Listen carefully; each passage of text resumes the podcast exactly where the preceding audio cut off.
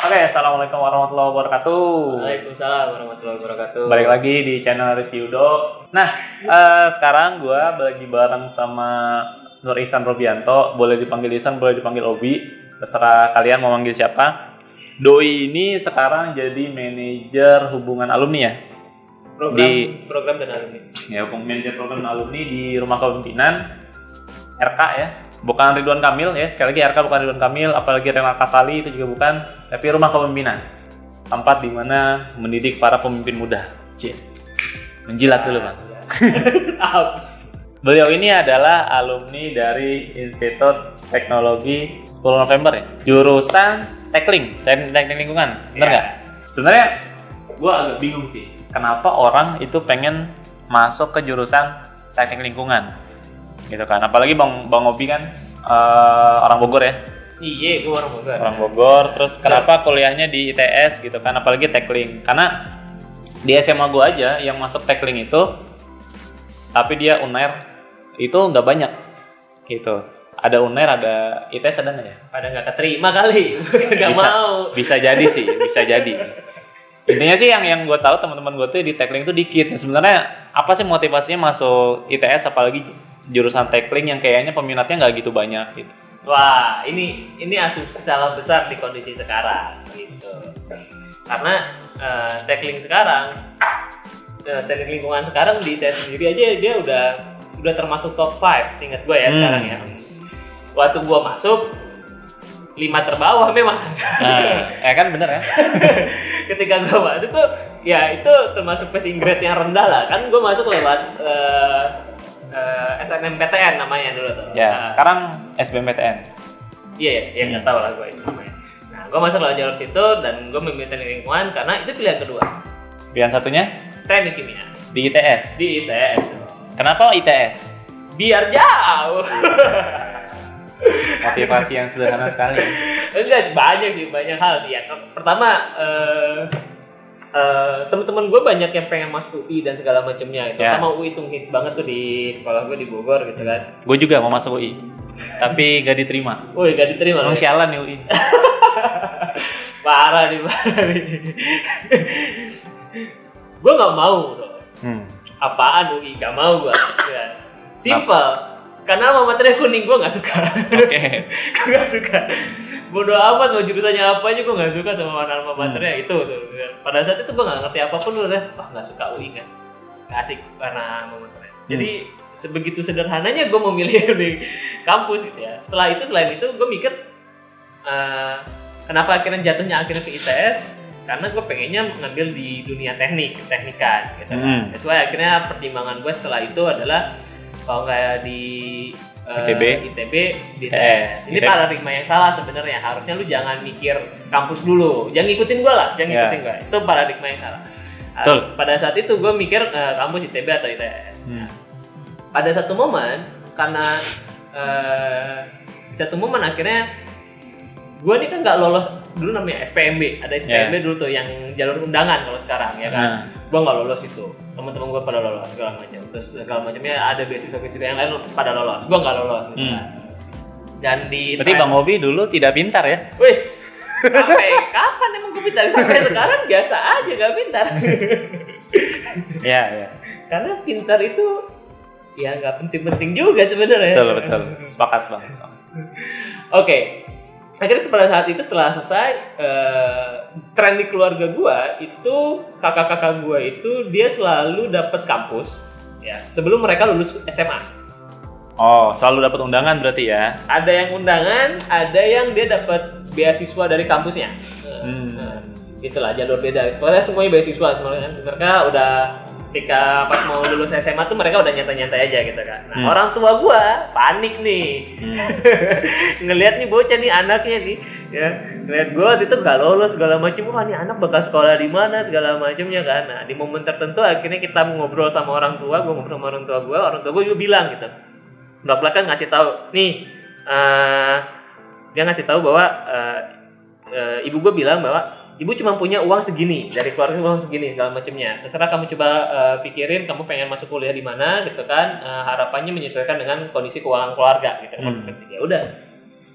Pada saat gue tahu eh, keuangan keluarga kondisinya seperti itu ya udah gue langsung ngecek kan. Karena kan gue udah pasti tertulis nih dan dan udah ada pengumumannya kan duit duitnya berapa berapa Ya. aja kan. Dan dari situ ya udah mulailah UI jelas gue coret karena gue memang gak suka alma maternya dan gak suka Hmm. juga dengan biayanya Hmm. terus habis itu mau nggak mau akhirnya gue mencoret ITB Karena mahal. karena emang duitnya mahal Hmm. gitu. gue mencari di ITB terus akhirnya jatuhlah berikutnya di ITS. Kenapa akhirnya jatuh ITS? Gue nge-ranking. Nge-ranking kampus-kampus mana aja yang oke secara ranking kampusnya gitu. Gue bikin riset dulu tuh nge- nge- ngecek macam-macam tuh dari ranking-ranking universitas Hmm. di Indonesia. Gue cekin untuk yang kualitas teknik yang bagus mana aja adalah di ITS. Kalau UNER tuh RIK-nya ya, ilmu kesehatannya yang bagus ya. Zaman gua belum ada teknik lingkungan di UNER. Oh. Kan UNER salah satu yang membantu mendirikannya teman-teman di ITS. Hmm, yang tackling-nya. tacklingnya Hmm. tacklingnya gitu. nah dari situ akhirnya gue apa ya akhirnya gue gue milih tuh pilihan gue teknik kimia kenapa teknik kimia Hmm. ya, gue nggak tahu teknik kimia belajar apa. Oke. Nah, ini keren banget sih. jadi fokus gue intinya ya udah gue mau ke ITS kampus ITS di Surabaya. Kenapa? Ya gue pengen jauh gue pengen belajar merantau segala macamnya Hmm. itu yang pengen gue cari gitu kan. Nah ya udah teknik kimia gue nggak tahu. Dan gue cuma tahu kenapa milih teknik kimia karena temen gue bilang teknik yang paling susah salah satu Teknik yang susah dan paling hits ya adalah teknik kimia. Jadi kalau bisa masuk ada euforia tersendiri Yo, ya. dong, Lu orang pinter. Eh, eh, dan gue nggak masuk ya, gue nggak pinter. Ya begitulah nasib, Bang. Makanya gue ngebela-belain IPC dulu. Oke. Nah, ah. Oh, berarti Bang Obi IPS dulu SMA-nya. Eh, IPA gue. Lah kok IPC? Iya dong, karena kan gue dua ngambil pilihan satu dan pilihan keduanya sama-sama ITS. Jadi dulu syaratnya adalah satu harus di daerah kita, karena gue di Bogor. Oh. Satu boleh bebas. I see. Karena gue pengen dua-duanya di ITS, maka gue harus ngambil IPC. I see, I see. Ya, ya, ya, Gitu. ya. Jadi punya tiga pilihan, gitu caranya. Betul, betul, betul. Gitu. Jadi gue belajar lah tuh. Enggak sih, gue nggak belajar IPS. itu biasa cuek aja pokoknya. Pilihan gue antara dua itu teknik kimia sama teknik lingkungan. Jadi teknik kimia adalah yang tinggi banget, yang masuk yang top gitu, yang grade bawahnya itu teknik lingkungan. Sesederhana itu persis. Dan gue nggak tahu teknik kimia belajar apa, teknik lingkungan belajar apa nggak tahu. Dan setelah lulus Setelah lulus apa? dari tackling, Oh, ketika selesai kuliah, hah? ya gue tahu kan. Gue tahu belajar teknik lingkungan. dan merasa bersyukur akhirnya bisa dapat ilmu ini dari gambling tadi, random sampling tadi itu. asem kan kurang ajar itu ibadah emang gue milih begini ya enggak enggak jadi eh, ya gue gue milih berdasarkan per ini lah ngukur-ngukur juga Iya. lah gue tahu lah nah terus habis itu kena, pada saat eh, lulus eh, ya gue belajar ya gue menikmati Hmm. perkuliahan di teknik lingkungan ya IP gue bagus cukup bagus lah ya walaupun gak menurut gue cukup bagus di atas tiga lah Sih. Berarti tadinya gue mau nanya nih bang, apa sih tips masuk ITS gitu kan? Tapi setelah lo ngomong kayak tadi, kayaknya pertanyaan harus kita ganti. Kenapa? Apa itu? Kan gue tahu caranya. Setelah lulus dari teknik lingkungan nih, kerja dong. Yo, ini Ya kan? jelas. Udah Gue S1. gak pernah nganggur bro. Ya. Terima kasih lo sombongnya. gak sombong, gue mau ngomongin fakta doang.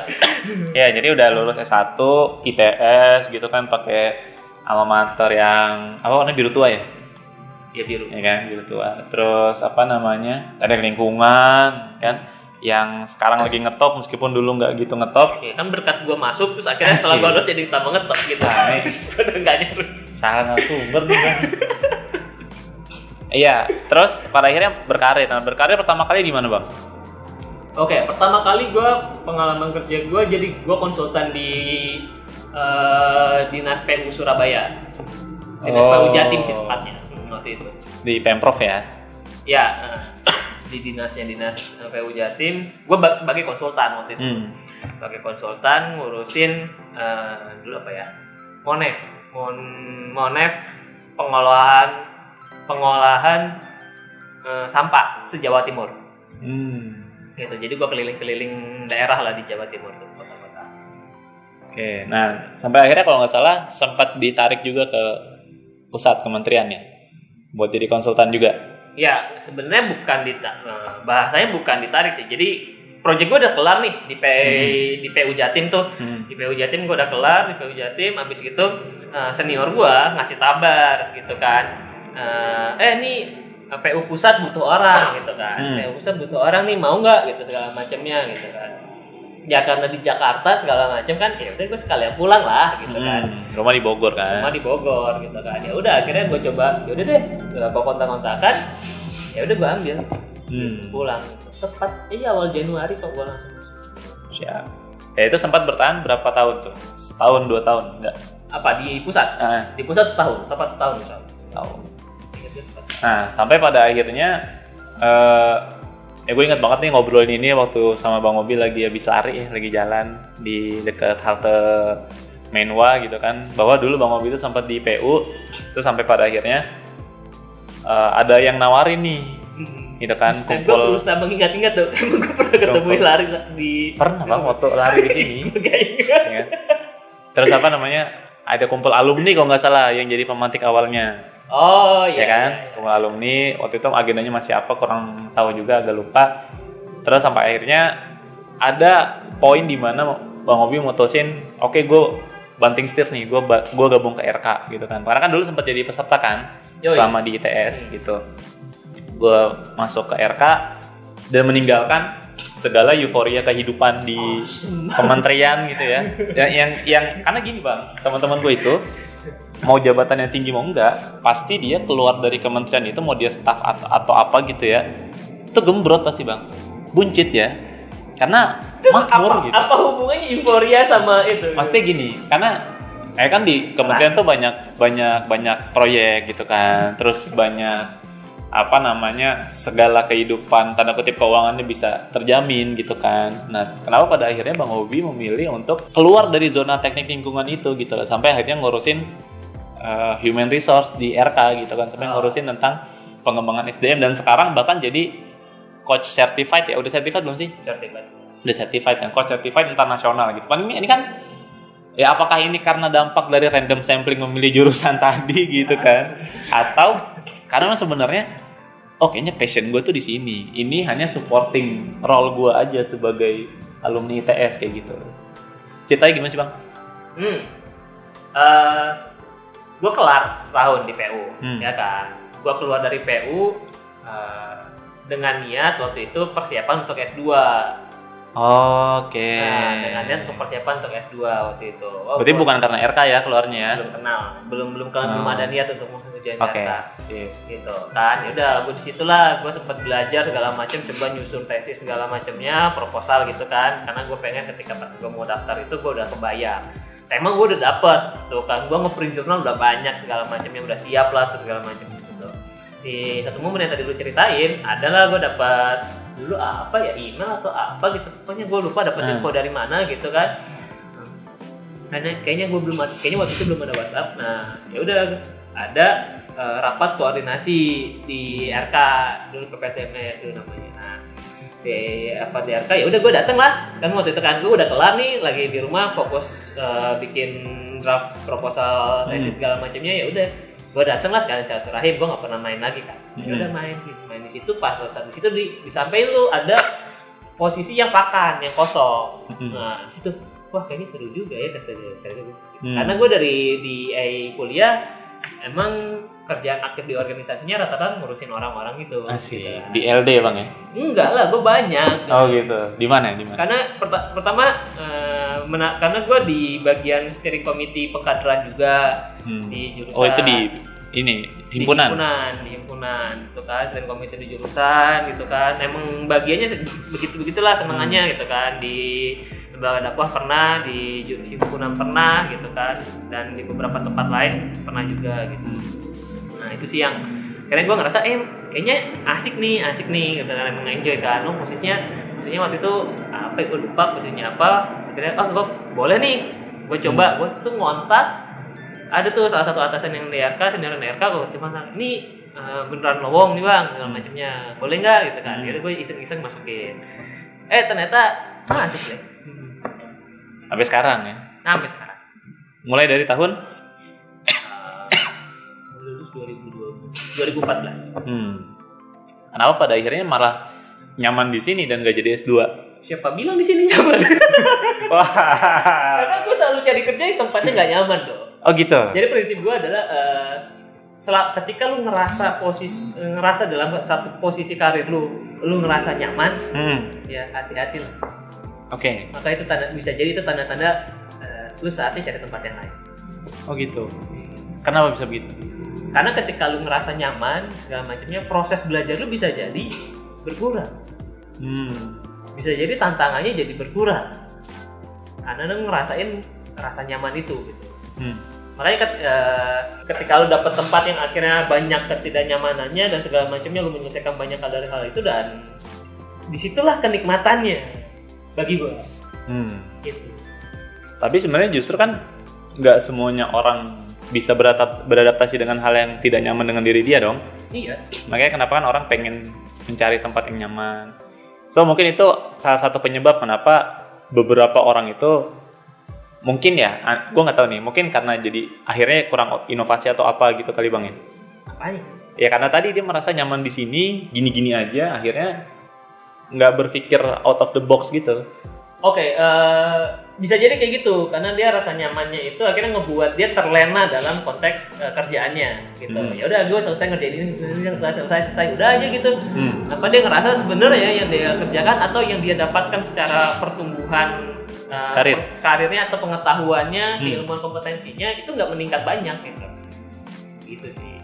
RK gue mendapatkan eh, mendapatkan kesempatan untuk bertumbuh dan belajar banyak hal. Itu yang mahal. Dan nggak pernah ngurusin K3 gitu ya. Tackling K3 bukan sih? Iya, K3 iya, K3 belajar. Aduh gue ketahuan blow on nggak tahu tackling nih. ya berarti itu yang menjadi motivasi utama ya pada akhirnya masih bisa mau berkarir di sini. Eh, Apa malah mungkin dalam waktu dekat akan pindah. bisa jadi. Sorry ya Pak Direktur. Semoga Pak Direktur tidak marah dengan saya nonton video ini. gitu. Enggak, ini sih sebenarnya. Kalau awal awal pertama kali masuk di RK, gue kangen sama Ustadz Musoli. Oke. Nah, salah satu pembina eh, yang ada di RK gitu kan. Kenapa kangen? Karena ketika gue jadi peserta selama 2 tahun nih, mungkin cuman 3 sampai 4 kali. Ketemu. Iya, Ustadz tuh eh, ke Surabaya yang harusnya beliau sebulan sekali. Hmm. gitu.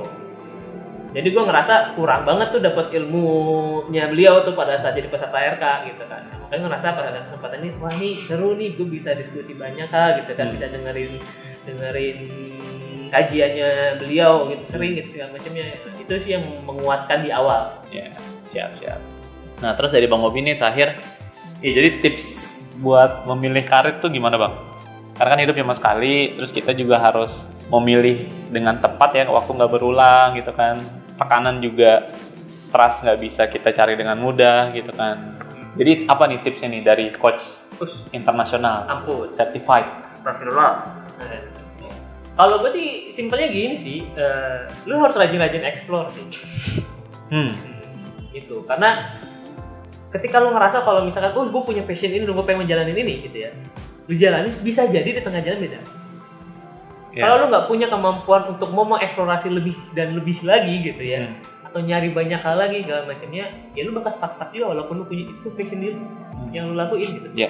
gitu. Jadi eh, kemauan dan kemam- kemauan dan kemampuan untuk eksplorasi lebih dalam dunia profesional itu penting.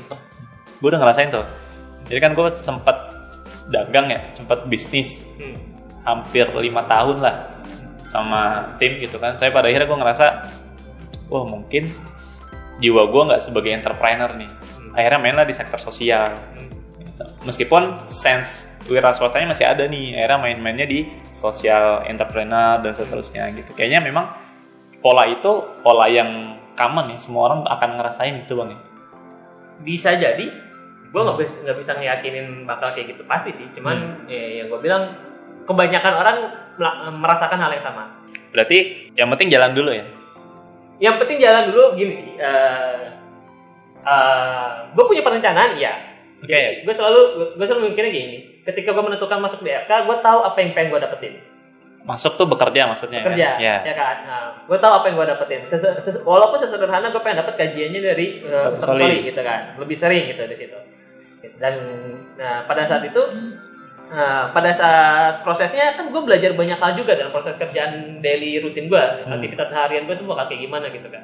Nah, di situ gue berkembang banyak hal tuh. Gue dapet sini, gue mengetahui apa segala macamnya dan ketika gue mempelajari sesuatu dan merasakan kenikmatan mempelajari hal itu, lu coba dalamin deh. Hmm. Lu coba dalamin di situ segala macamnya hingga satu titik lu coba berhenti dan lu merenung. Oh, ini cocok gak ya sama diri gue? Kalau lu cocok lu lanjutin kalau ngerasa "Ah, ini bukan gua nih gue pengen coba atau ngerasa gue pengen stop dulu nih gue pengen coba nge-explore yang lain ya udah explore yang lain Hmm. gitu hingga akhirnya nanti lo bakal ketemu momen banyak momentum-momentum yang yang ada gitu ya terus lo ngerasa iya ya gue punya kepingan ini gue punya kepingan ini punya kepingan ini gitu ya terus ngerasa Ih, ini ternyata cocok jadi satu profesi apa gitu, Hmm. gitu sih. Siap, siap, siap. Sangat inspiring ya. Biasa aja Oke, itu dulu. Dan kayaknya salah narasumber. kok bisa Oke, sampai ketemu di video berikutnya. Sampai ketemu.